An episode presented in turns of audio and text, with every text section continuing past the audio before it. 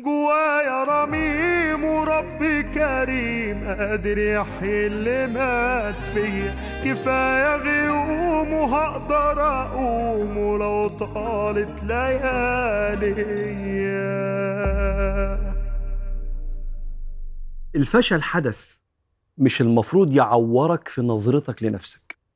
زي اللي عمل حادثة بعربية هيصلحها وهيكمل بيها مش هيفقد الثقة فيها ولا في نفسه. حدث.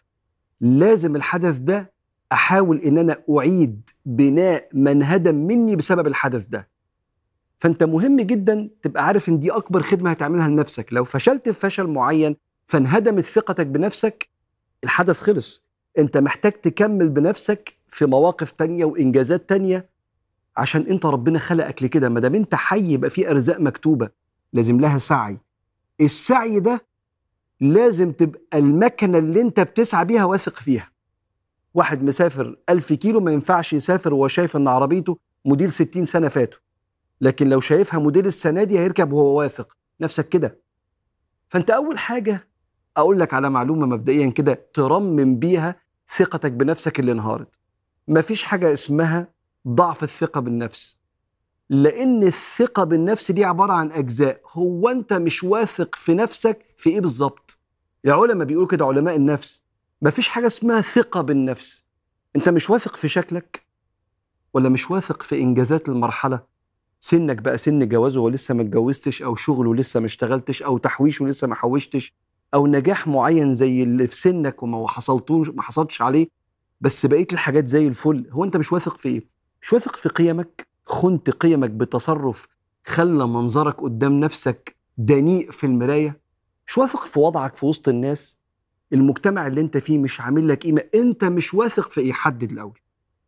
حدد بالظبط انت محتاج تشتغل على إيه.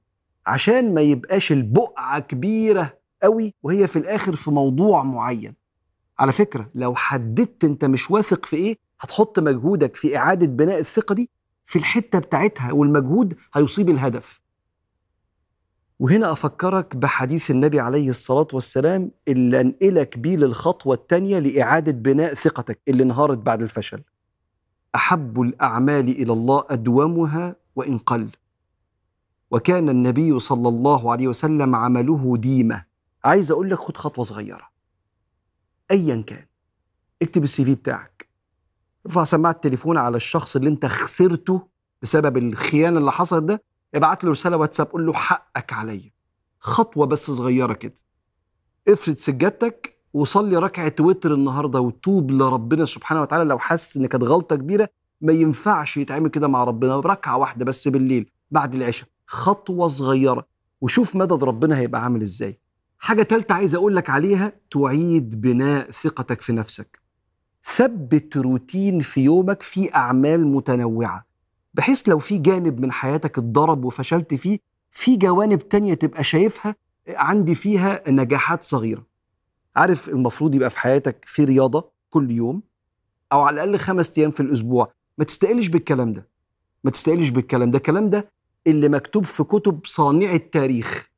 والناس اللي بتحاول تقوم الناس من الوجع والفشل ورغبة الانتحار بيكتبوا كده. خلي عندك رياضة.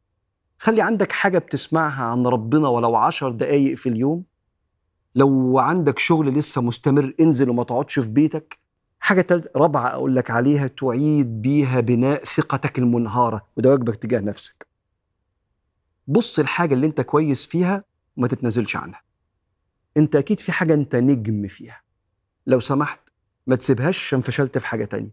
ولو فشلت في الحاجة اللي انت نجم فيها صدقني النجوم الكبار ياما بكوا وهم كبار وكملوا وسر نجوميتهم إن هم بيكملوا بعد أوقات الوجع.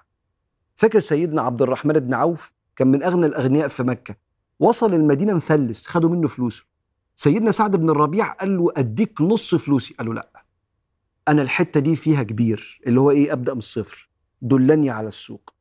راح السوق اشترى تاجر رجع غني بعد أيام واتجوز والنبي عليه الصلاة والسلام شاف عليه أثر الجواز ودعا له بالبركة.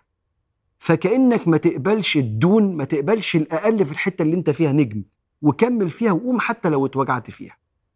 بالأربع خطوات دول تعيد بناء من هدم وانهار من ثقتك في نفسك بعد أي فشل وده واجبك تجاه نفسك.